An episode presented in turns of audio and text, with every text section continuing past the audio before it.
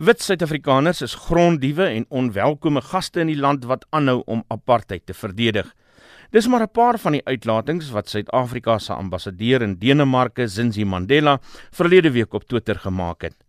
AfriForum beskou die uitlatings as erg verdelend en rassisties en wil daarom vra dat Mandela teruggeroep word, sê Alana Bailey. AfriForum voel dit is onaanvaarbaar vir 'n ambassadeur soos Zinzi Mandela om Twitter-boodskappe rond te stuur soos wat Vrydag gebeur het waarin sy die verdeeldheid tussen gemeenskappe in Suid-Afrika net verder aanhits.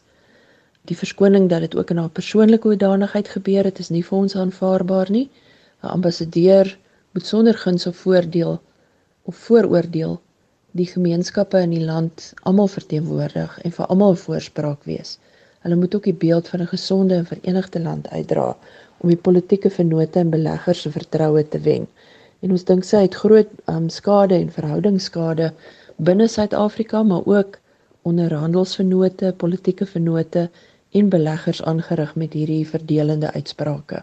Die 59-jarige dogter van oud-president Nelson Mandela en Winnie Madikizela Mandela het donderdag aand op Twitter begin met die woorde: "Dear apartheid apologists, your time is over."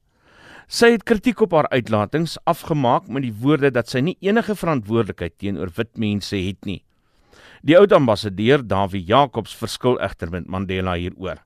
Dit gaan nie so seer oor wat sy gesê het nie, maar op watter platform sy dit gesê het. Sy is Suid-Afrikaanse ambassadeur in die buiteland en dit is nie 'n private hoedanigheid nie. Alles wat sy daar sê is amptelik. En sy verteenwoordig die president van Suid-Afrika en al die mense alle rasse en kleure en alle politieke partye. Dit is dus uiters onvanpas om sulke uitlatings te maak terwyl jy op diens is in die buiteland. Dit is absoluut teen die gees van professionele diplomatie. Jakob sê Mandela kan haarselfs nie daarop beroep dat sy 'n politieke aanstelling is nie. Daar is twee kategorieë van diplomate: beroepsdiplomate en politieke aanstellings. Sy is 'n politieke aanstelling. Dit is 'n wêreldwye gebruik. Mense word uit verskillende politieke partye aangestel as ambassadeurs, maar hulle is onderworpe aan dieselfde diplomatieke reëls as wat internasionaal geld. Trouwens, in 'n paspoort van 'n ambassadeur word aangedui dat hy of sy 'n lid is van die huishouding van die president.